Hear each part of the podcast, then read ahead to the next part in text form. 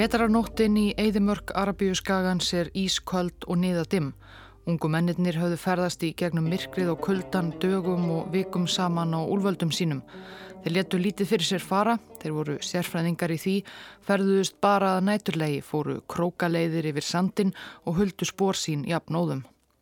Loks eitt kvöldið í síðustu glætum dagsljósins sáður móta fyrir pálmalundum sem umlugtu borgina, áfangastað þeirra. Þeir lættust í gegnum trén fram hjá túnum og beitilandi og bóndakofum.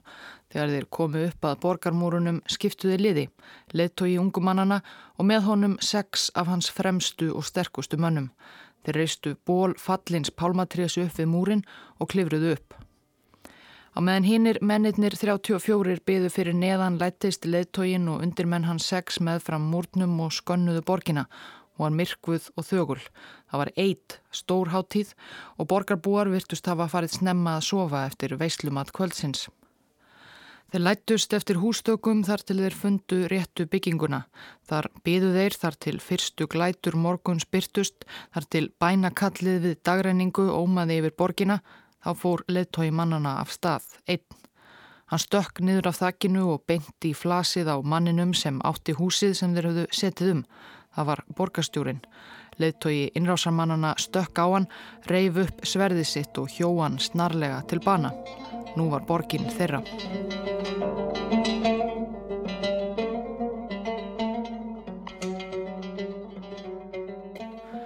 Einhvern veginn svona segir sagan að arabískur höfðingi Abdel Aziz ibn Saud og menn hans hafi sigrað eðimerkur borginna Ríad á austanverðum Arabíuskaga í janúar 1902. Sagan, vissulega böðuð ákveðnum hetjuljóma en svona er hún alltjent sögð, hefur áður komið fram allavega að hluta til hér í ljósi sögunar en það er full ástæða til að rifja hana upp að nýjum. Því hinn magnaði sigur Abdelaziz Ibn Saud og félaga í Ríad var bara byrjuninn að landvinningum sem 20 árum síðar rúmum letu til þess að hann varð æðsti valdamæður nýs ríkis sem hann var svo lítilátur að nefna eftir sjálfum sér, Sáti Arabia. Afkomendur hans hafa stjórnað þessu viðfema en sönduga ríki æsíðan og aldeilis látið til sín taka á alþjóða vettvangi, ekki síst á síðustu árum.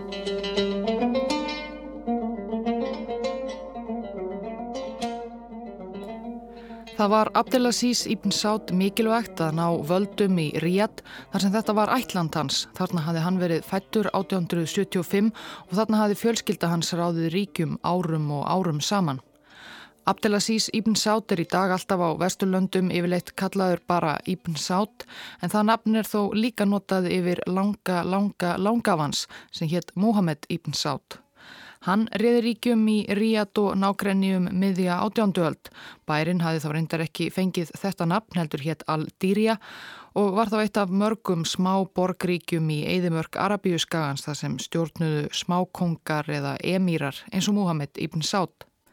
Staða Aldýria átti þó eftir að breytast því árið 1744 hafði Ibn Sátt gert aftrifaríkt samkómulag. Til borgar hans hafði þó komið predikarinn okkur, Muhammed Ibn Abdal Wahab. Sá hafði þá um nokkuð skeið ferðast um Arabíuskagan og predikað sína eigin tólkun á Íslamstrú íhaldsama og stránga tólkun. Vahab vildi stuttumáli snúa aftur til þess sem hann áleitiðu upprunalega Íslam sjöndualdar og uppræta að síði sem týðguðust meðal muslima á þessum slóðum á þessum tíma eins og að hafa að helga menn í hávegum og dyrka grafir þeirra hýbíli og fleira þeim tengt. Þetta taldi Vahab jafnast á við skurðgóða dyrkun og fjölgiðistrú sem var jú það sem Múhameð spámaður barðist sjálfur ötulega gegn. Þá vildi hann útrýma tópaksreikingum, söng og dansi og öðrum ósiðum. Bóðskapur Vahabs er nú yfirleitt kendur við hann, kallaður Vahabismi, fylgismenn hans Vahabítar, en einnig Salafismi sem myndaður af orðinu Salaf, forfaðir og notaðum fyrstu fylgismenn Múhameds. En boðskapur Vahabs fjall ekki allstaðar í kramið. Vahab hafi áunnið sér þó nokkra fylgismenn en líka verið rekin úr hverjum bænum á fætur öðrum sögum trúar ofstækis. Þanga til hann kom til Aldýria. Þar tók Ibn Sátt Vahab og boðskap hans fagnandi. Og með boðskap Vahabsum heilagt stríðað vopni lagðist Ibn Sátt nú í landvinninga. Á næstu áratugum lögðu Ibn Sátt og afkomendur hans undir sig svo að segja allan Arabíuskagan og árið 1805 sigruðu þeir helgu borginnar tvær vestast á Skaganum, Mekku og Medínu sem hafði þá verið á valdi Tyrkjasóldáns öldum saman. En þeir dýrðar tímar voru nú viðs fjari. Nokkrum árum síðar höfðu Tyrkir unnið borginnar helgu aftur og rakið sátana og vahabítana aftur austur í eðimörkina þaðan sem þeir komu. Ættinni tókst að koma aftur undir sig fótunum í Aldýrja sem þá var farið að kalla Ríad en er alla 19. öldina áttu þeir í stöðugum, blóðugum erjum um yfiráði í auðninni við aðra valdamikla ætt á þessum slóðum sem líkt og sátarnir kendu sig við ættföðurinn, ættin Rasít. Langa, langa, langa var svonur Muhammeds Ibn Sátt, Abdul Okkar Aziz, var 15 eða 16 ára gamall kvöldeitt árið 1890 þegar fadir hans Abdul Rahman sem þá var höfuð ættarinnar vakti hann að næturlægi og saði honum að haska sér í útikublin. Fjölment lið Rasíta satum borgina þeirra ríat og það var auðséð að þau yrðu að flýja. Sátarnir komust í burtu við Ítlan leik og ríat fjall í hendur Rasíta. Næstu misserinn var fjölskylda Ibn Sáts yngri á Hrakólum en við henni var lóks tekið í Hafnarborgaríkinu Kúveit þar sem þau voru í útlegð næsta áratugin. En allan þann tíma heyrði Ibn Sátt dýrðar sögur af ættjörðinni í Ríat og nákrenni. Hann hétt því að vinna borgina að nýju og endurheimta heiður fjölskyldu sinnar og hann reðst strax í það þegar hann fekk aldur til á samt bræðrum sínum og frændum Ungir menn í hemdarhug með þann einbeita ásetning að vinna lönd feðra sinna og forfeðra aftur úr höndum hinn á ósvipnu rasíta. Sagan af árásinni á Ríat er alls ekki eina hetjusagan af herrferð Íbn Sáts og manna hans gegna rasítum. Þeir eru margar og hver annari góðsagnakendari. Sagt er að þeir hafi ferðast í gegnum eigðumörkina í 40 daga og 40 nætur frá Kúveit til Ríat og svo framvegs. En við vitum alltjent með vissu að eftir að hafa sigrað Ríat helt sigur ganga Íbn Sáts áfram, kvorki rasítarnir, nýja tyrkir sem enn voru valdamenn hér og þar á þessum slóðum, reyndust tónum og reyndum eðimerkur hermunum hans mikil fyrirstaða.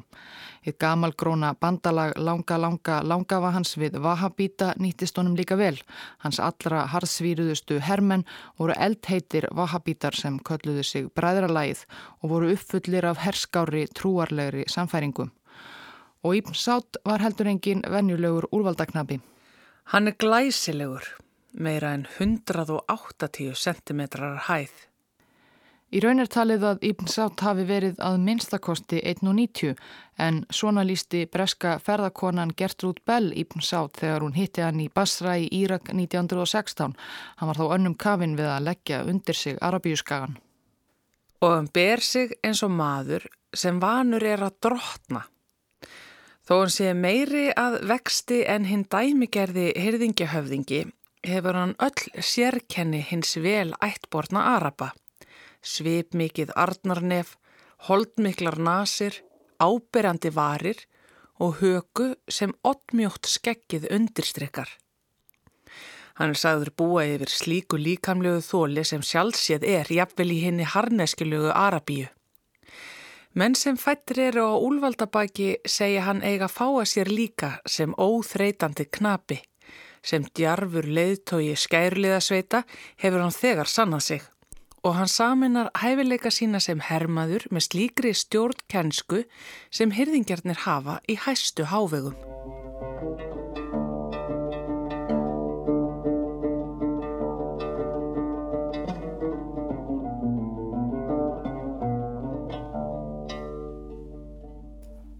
Árið 1932 lísti þessi svipmikli maður Íbn Sátt svo yfir stofnun Konungsríkis sem hann nefndi eftir sjálfum sér og ætsinni, Sáti Arabia, algjört einræðisríki með vahabismann sem ríkistrú og lög byggð á Kóraninum. Landsvæði ríkisins var næstum allur Arabíuskæin frá Írak í norðri að landamærum Jemens og Ómans í suðri og strendur bæði að Rauðahafi og Persaflóa.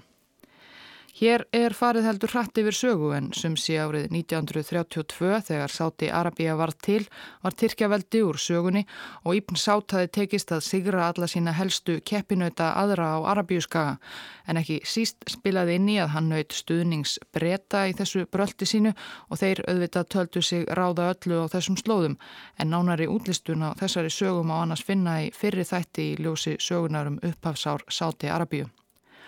Altjent, Íbn Sátt hefði eflust getað valið sér hendugra landsvæði að drotna yfir. Í henni nýju Sátti Arabíu voru vissulega pálmalundir og vinjar en landið var meira og minna eðimörk að öðru leiti. Landið var fátækt og vannþróað og það var barátta fyrir hverjum vastrópa.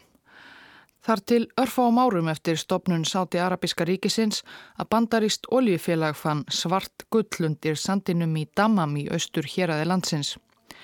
Menn höfðu vissulega grunað að slíkt ríkidæmi kynni að leynast þarna á söndunum. Það var ekki síst þess vegna sem brettar höfðu sínt landvinningabröldi Íbn Sáts áhuga á sínum tíma en þegar til kom battan trúsitt við bandarísk oljufélög frekar en bresk og laði þannig grunninn að tryggri vináttu bandaríkjana og Sáti Arabíu. Því ekki leið á löngu þar til upp úr borhólunum í Dammam flætti þessi dýrmæti vögvi í þúsundum tunnatali á hverjum degi en það kom í ljósa Dammam var ekki bara ólíuríkt heldur eitthvað ólíuríkasta landsvæði heims. Og bandarækjumenn höfðu lengst umsjón með því að dæla upp ólíunni í gegnum ólíufélagið Arabian American Oil Corporation eða Aramco eins og það var yðurlega kallað. Ólían flætti óhindrað og hagnaðurinn líka Fyrstum sinn fór mikið af auðnum beint í vasa bandarækjamanna en oljuauðurinn átti þó eftir að umturna hennu unga eigðimerkuríki Íbn Sáts.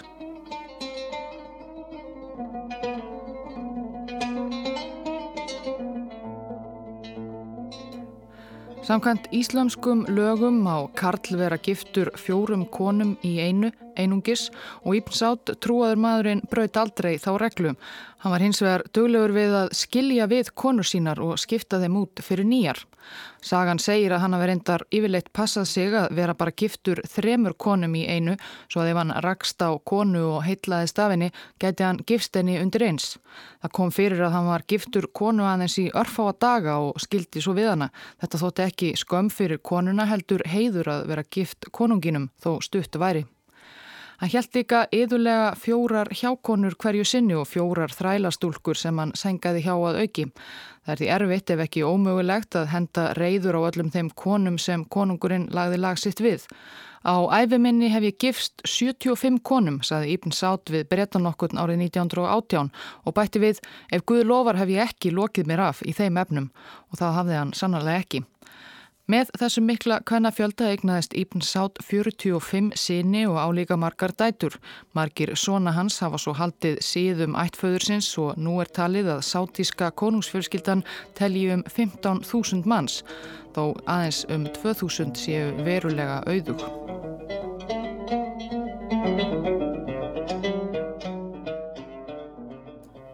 Íbn Sátt, fyrsti konungur Sátti Arabíu fekk hjarta áfall í höll sonarsins Faisals prins 9. november 1953. Hann var þá næri áttræður og hafi verið hjartveikur um hríð. Sýnir hans 45 voru strax farnir að bítast um hvað tæki við eftir hans dag. Sagt er að eitt af síðustu orðum Íbn Sátts til svona sinna hafi verið þið eru bræður, vinnið saman. En það láreindar fyrir við dauða konungsins hvað tæki við, eða altså hver. Krónprinsinn sem hétt algengu nafni í þessari ætt einfallega Sátt. Hann var fættur 1902, annar sonur Íbn Sátt sem fyrsti sonurinn Turki hafi látist um tvítugt í spænskuvekinni og eftir dauða Turkis hafi Íbn Sátt alið næstelsta son sinn Sátt upp sem arftaka. Auk þess að læra allt sem arabískum prinsi sæmir, kóranfræði, reyðmennsku og bókfimi fekk hann kennslu í stjórnkensku, hernaði og samningatækni. Hann fylgdi föður sínum oft í herrferðumanns og í ferðir til Erlendra ríkja. Einhverju veriðist þó hafa verið ábútafant í uppeldi Sáts með hvernig hann hagaði sér svo á konungstól. Sát leita á eins og fadur hans hafði reyndar líka gert, tekjur ríkisins sem sína persónlegu eign og í stað þess að styðja við uppbyggingu innviða í ríkinu sem enn var að vannþróað að mörguleiti og í stað þess að reyna mikið að bæta hag almennings sem enn glýmti við fátækt þá veitti hann óljöðunum aðalega í sig og sína. Hann byggði sér ótal glæsilegar hallir og kefti bíla og luxusvarting. Hann var sífælt á luxusferðalögum um Evrópu og það sem alls ekki mótti fréttast í landi þar sem áfengi var með öllu bannað af trúalögum ástæðum var að hann var mjög drikkveldur, fór hverki á þess að vera með nokkra kassa, viski og öðrum áfengum veigum meðferðis. Árið 1962 lísti bandariska tímaritið Life húsakinnum Sátt konungs svona. Nasirja höllin megin bústaður Sáts lætur Buckingham höll líta út eins og sveitakofa. Hún er óumdeilanlega demanturinn í hallarsafni Sáts, þó hann hafi byggt tvær næstum jafn yfirgengilegar annar staðar. Nasirja rýs upp úr eigðumörkinni í útjarði Ríat, sönnum þess hvað vatn og svo að segja óendalegt fjármagn getur komið til leiðar. Sjö mílna veggur umkringir Nasirja lokar úti eðimörkina og þá óviðkomandi. Innan veggjana er ekki bara ein höll, heldur margar. Höll konungsins, höll fyrir hverja fjórum eiginkonum hans, villur fyrir hans fjölmörgu fyrverandi eiginkonur og það eru skólar, moskur og ansi margir bílskúrar. Engin veit hversu margar loftkjaldar limmusínur sátt konungur á, en heildarfjöldi bifræða hans gæti verið einhver hundruð. Eins og greint er svo frá í greininni hafðu lífsættir og eðslusemi konungsins smitast út í ættina og sátísku prinsatnir fjölmörgu voru farnir að lifa hátt, spreða í sportbíla og snekkjur og villur, oft peningum sem þeir áttu kannski ekki eða höfðu ekki eignast með heiðarlegum leiðum. Spilling var fljótt gríðarstort vandamáli í Sáti Arabíu Sáts konungs. Þetta gati ekki gengið svona. Eins og fyrir segir fengu sátar á þessum tíma ekki nema hluta óljuteknana, bandarækjumenn hirtu stóran hluta.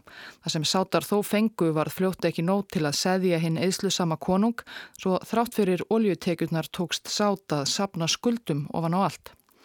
Valdabaráttan sem hafði í raun hafist áður en Íbn Sátt gamli fjall frá kræmaði alltaf undir og þegar Bladamæður Læf lísti magnaðri höll konungsins 1962 voru prinsatnir bræður hans þegar byrjaðir að ræða það sín á milli að koma honum frá. Plottið leiti þriðji sonur Íbn Sátts, Faisal, sem hafði eldað grátt silfur við eldri bróður sinn árum saman. Hann hafði liði með sér fjölda fólks í fjölskyldunni, ráþherra og valdamikla menn í stjórnkerfinu og aukþess virta trúsbegginga sem fordæmdu en siðspilta drikkjusjúka konung. Í mars 1964 tókst Faisal og félögum að bóla sátt frá, hann saði af sér og hraktist í útlegð til Genf í Sviss og fór síðar til Greiklands. Faisal tók við konungstegn sem hann hafði svo lengi þráð. Mæða er hann komið? Hann er hann komið? Það er það mýrul alami? Faisal var fættur 1906 og átti aðra móður en sátt. En svo eldri bróður hans fekk hann í æsku kjenslu í því sem einnkenna átti arabískan leittóa og var líka sendur til útlanda. No man commands more respect across Arabia than Prince Faisal's father. Abdulaziz al-Saud. This I learned when I rode right into the heart of Hussein's territory. 1919 hafði fadir hans Ibn Sátt sem þá stóð enni í landvinningum sínum á Arabíuskaga hafði lagt undir sig talsvert landsvæði en ekki allan skagan. 1919 var þessum dugmikla Arabahöfðingið sem sé bóðið í ofinbæri heimsókn til Lunduna. Hann komst ekki en sendi Faisal svonsinn í sinn stað. Faisal var þá aðeins 13 ára gammal en dvaldi í 5 mánuði í Breitlandi og hitti marga mestu framámönnum Bresks samfélags þar meðal Winston Churchill. Um þetta hefur verið gerð kvikmyndin Born a King. What do you say, Prince Faisal? I thought an Englishman never discussed politics over the dinner table. Breitlandstvölinn bjargaði mögulega lífi Faisals líka og meðan hann var úti dó Turki, elsti sonur Ibn Sáts úr spænsku veikinni og fjögur önnur sískinni. Faisal sem var almennt heilsuveill drengur hefði mögulega farið sömu leið. En hann starfaði í stjórnkerfinu og valda tíð föður síns og eldri bróður þangar til hann settist sjálfur á konungstól.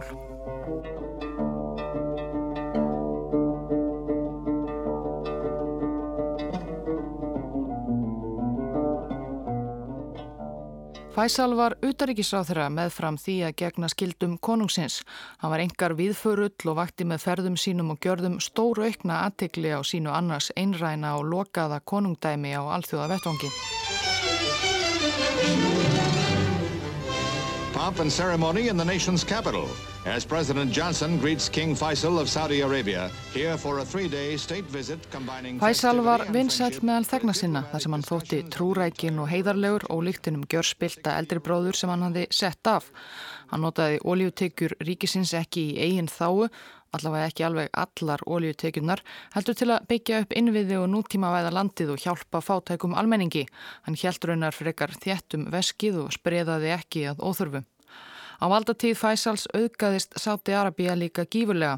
Þar spiluðu ekki síst inn í atburðir frekar fjarrri vinjunum við Ríad, svo kallað Jóm Kippur stríð Ísraels og ríkja Araba í oktober 1973. Þá ákvoðu oljuframleiðsluríkin arabísku með sáta, stærsta og mesta í broti fylkingar að lýsa yfir viðskiptabanni á bandaríkin og aðra bandamenn Ísraela verð á olju fór í kjölfarið upp í hæstu hæðir. Sagt er að Faisal konungur hafi rætt viðskiptabannið einhverju sinni við Henry Kissinger, bandaríska utaríkisráþurann. Kissinger spurði, hvað er við í bandaríkjum hættum bara alveg að kaupa sáti arabíska olju? Hvað gerir þið þá? Þá, svaraði Faisal, förum við bara aftur að lifa á úlvaldamjólk. En hvað getið þið bandaríkjamenn án bílan eitthvað?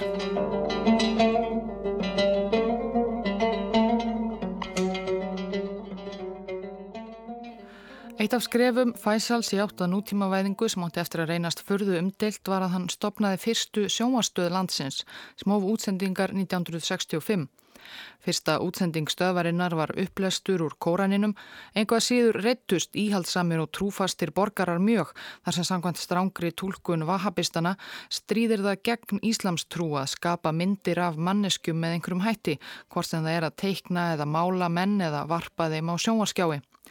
Íhalsmenn mótmæltu sjónvarpinu og götum úti og í september 1965 réðst hópur íhalsmanna inn í sjónvarstöðuna. Fremstur í flokki var ungur trúheitur prins Khalid bin Musaid, sonur tólta sonar Ibn Saud sem let lífið. Líklega var hann skotinn til bana af lauruglu þó tvennum sögum fara af því nákvæmlega hvernig dauða hans barað. En þegar Khalid prins dó var yngri bróður hans, hann hétt einnig Faisal, það er ekki mikil hugmynda auki í nafngiftum í sátísku konungsfjölskyldunni, ekki frekar en mörgum öðrum konungsfjölskyldum, þá var Faisal bin Musaib nýkominn til bandaríkjana, 22 ára, til að læra ennsku og stjórnmálafræði. Ungi maðurinn var á dálitlu ránglífum landið, byrjaði í háskólanum í San Francisco, fór þaðan í Berkeley og loks háskólan í Colorado. Um 1975 sneri hann heim og gerðist kennari við háskólan í Ríad.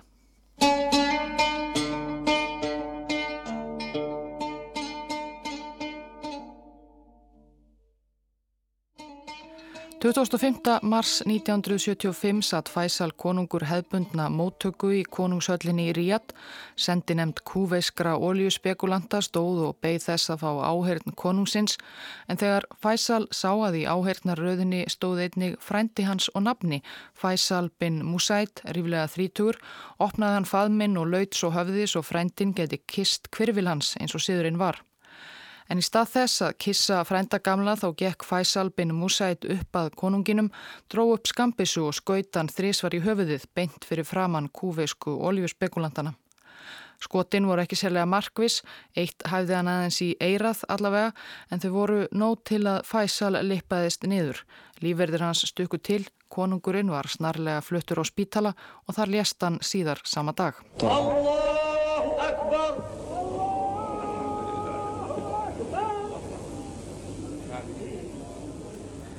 Frændin og morðingin Faisal bin Musaid var settur í varðhald og næstu dögum fluttu fjölmiðlar ímsar fréttir af honum þá var talið að hann væri veikur á geði í það minnsta eitthvað vanstiltur.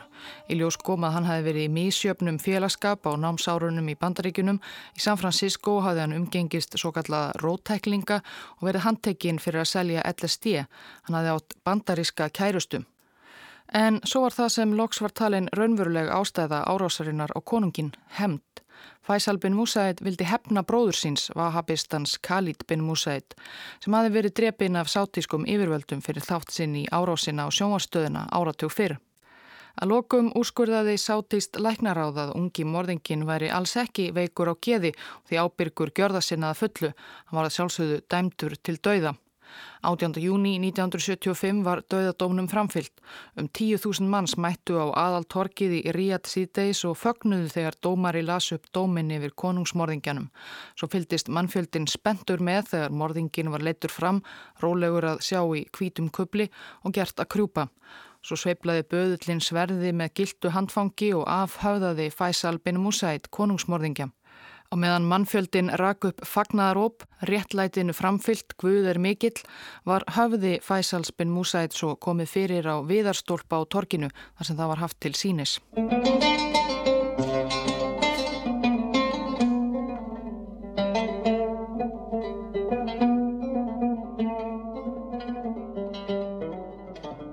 Faisal konungur var jarðsettur og við konungstegn tók hálfbróður hans Khalid, fymti sonur Ibn Sáts, fættur 1913. Hann naut góðs af stefnu bróður síns heitins á sinni valdatíð. Hinn sparsami Faisal, sparsamur á sátískan mælikvarða allavega, hann hafði rétt fjárhægin rækilega af og eftir óljudeiluna við bandamenni Ísraelsríkis og hækkun óljuverðs streymdu peningar í ríkiskistuna sem aldrei fyrir. Khalid notaði auðin til umfangsmikillar uppbyggingar innviða í mentun og félagsmál og gerði Sáti Arabíu líka enn fyrirferða meiri á alþjóða vettvangi með því að auðsa fíja hingað og þangað til þróunaríkja og í lánasjóð alþjóða gældurisjóðsins og eitthvað sé nefnt. Hann reyndi líka að auka fjölbreytni í efnahagslífinu svo það væri ekki bara óljan. Hann fjárfesti í landbúnaði og valdatíð hans jógst framleiðsla sáta og grænmeti og ávöxtum um 20% reyndar með ærnum kostnaði vegna þess hver vatnið var enn dýrmætt þarna eðimörkinni reiknaði einhver út að í Sáti Arabíu kostaði sjösunum meira að rækta kveiti en í bandaríkunum. Hvers mikinn þátt Khalid konungur átti í þessu er þó óvíst. Sagan segir að Khalid hafi ætið haft lítinn áhuga á stjórnsíslu og slíku vafstri. Hans sanna indi var að stunda veiðar með fálkum úti í eðimörkinni og mun hann hafa varið meiri tíma þar en í konungshöllinni. Með hinn raunverulegu völd fórvist kronprinsinn ennitt sonur Ibn Sáts Fahad að nafni sem síðar varð konungur sjálfur.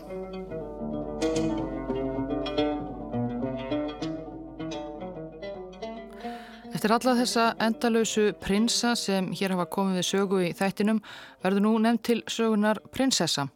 Misjal bin Fattal Sátt hétt sonardóttir prinsins Muhammed bin Abdulaziz en hann var eldri bróður Khalid's konungs og var áhrifamikill maður í ættinni sem hafði að öllum líkindum sjálfviljögur afsalað sér rétti sínum til konungstegnar til að leysa deilur innan fjölskyldunar þó erfitt sé að fullir það hvað sé satt og rétt í frásögnum af innbyrðis pólitík hinnar leindardómsfullu konungsfjölskyldu sátískum.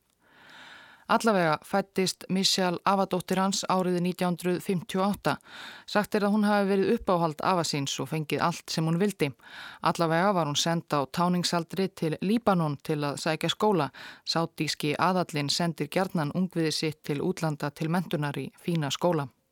Í frjálslindu andrumslofti Beirut, París, Östurlanda, kynntist hún Pilti Pilturinn var sátískur eins og hún, hitt Khalid Mahallal og var frændi sátíska sendiherrans í Líbanon og í frjálslindu andrumsloftinu í Beirut feldu þau Misjál prinsessa og Khalid Mahallal hugi saman. Sumarið 1977 komu þau bæði heim til Sáti Arabíu. Misjál var 19 ára gömul. Fjölskylda hennar, þessi valda mikla fjölskylda, var byrjuð að leggja á ráðinum að gefa stúlkuna einhverjum álitlegum pilti af góðu mættum. En Misjál gaf lítið fyrir þetta. Þetta sumarið hjælt hún áfram að hitta Khalid sinn, auðvitað með mestu leint þar sem í íhaldsama ríkinu sem fjölskylda hennar hafi skapað var það stránglega bannað fyrir ungar stúlkur eins og hana að blanda geði við menn sem þær voru ekki giftar. Nákvæmlega hvað gerðist svo er ekki alveg ljóst. Ljóst er allavega að það komst upp um þau og Misjál og Khalid voru ákjærð fyrir hórdóm. Sagan segir að þau hefur reyndað flýja úr landi, Misjál dulbúinn sem karlmaður en voru gripinn á fljóðvellinum. Tvennum sögum fer að því hvort Michal hafi síðan játað brotsitt í yfirherslu og hvort hún hafi yfirleitt verið yfirheyrð. En hvað um það, endalokkin voru fyrir séð, bæði Khalid Mahallal og Michal prinsessa voru dæmt til dauða.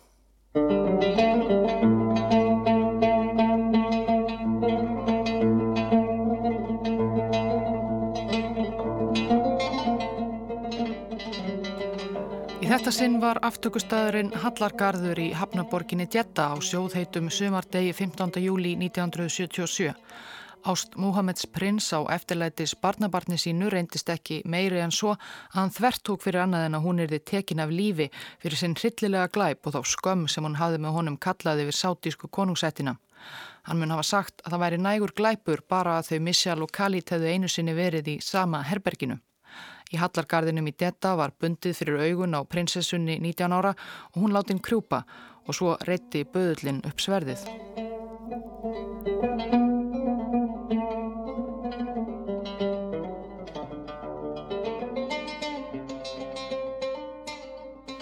Við hliðinar beigð Khalid. Hann var neittur til að horfa á kærustu sína afhauðaða áður en það kom svo að honum að fá sömu örlög.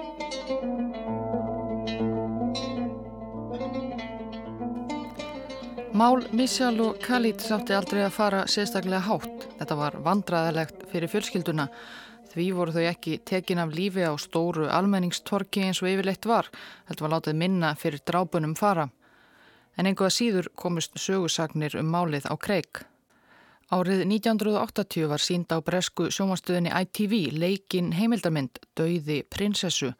Myndin fjallaði um langa leit kvikmyndagerðamannsins Antonis Thomas að sannleikanum í máli Missjál prinsessu og hún bar sátísku konungsfjölskyldunni ekki sérlega fagra söguna. You were talking just now about the princess. Let me tell you about that princess. Do you know who she was? Well, I understand that she was a member Her grandfather the king's eldest brother. She was his favorite. He loved her. Meðal annars vildi kveikmyndagerðamæðurinn Thomas meina að Michelle hefði aldrei játað glæpsinn og hefði aldrei fengið nokkur réttarhöld. Hún hefði verið tekin strax af lífi að ósk sinna reygin fjölskyldu. Mögulega. En um leið og Sáti Arabíja fekk veður af myndinni gerðu stjórnvöld þar allt til að koma í veg fyrir að hún erði sínd í sjónvarpi beittu öllum sínum diplomatiska og efnahagslega þrýstingi. Sendi herra breyta í Sáti Arabíu var rekin úr landi en ekki gekk að koma í vekk fyrir að myndin var sínda á ITV á tilsettum tíma. Þegar átti svo að sína myndina í sjónvarpi í bandaríkunum magnaðist sama reyði alda sáta gegn bandaríkjamönnum þeirra bestu bandamönnum Ólífufyrirtækin bandarísku gengu þá í lið með sátum og tóku út auglisingar í bandarískum fjölmjölum þar sem myndin var harðlega fordæmt. Síning myndarinnar myndi hafa alvarleg áhrif á hið góða samband bandaríkjana á Sáti Arabíu. Talið er að sátar hafi varið að minnstakosti nokkrum miljónum bandaríkjadala í að berjast gegn því að myndin er í sínd Vestanhafs. Án árangus því hún var sínd á sjóaskjám bæði í Breitlandi og bandaríkunum sumsi og er vel aðgengileg enn í dag. En síning myndarinnar hafði þó engin sérstök eftirmál. Engin hefur þurft að svara fyrir dauða hinnar 19 ára gamlu Missjál prinsessu sem hafði orðið ástfangin í Beirut. Konur í Sáti Arabíu mega enn ekki um frjálst höfuð strjúka. Sátíska konungsfjölskyldan situr enn sem fastast og að lenda upp á kant við hana er enn lífsættulegt.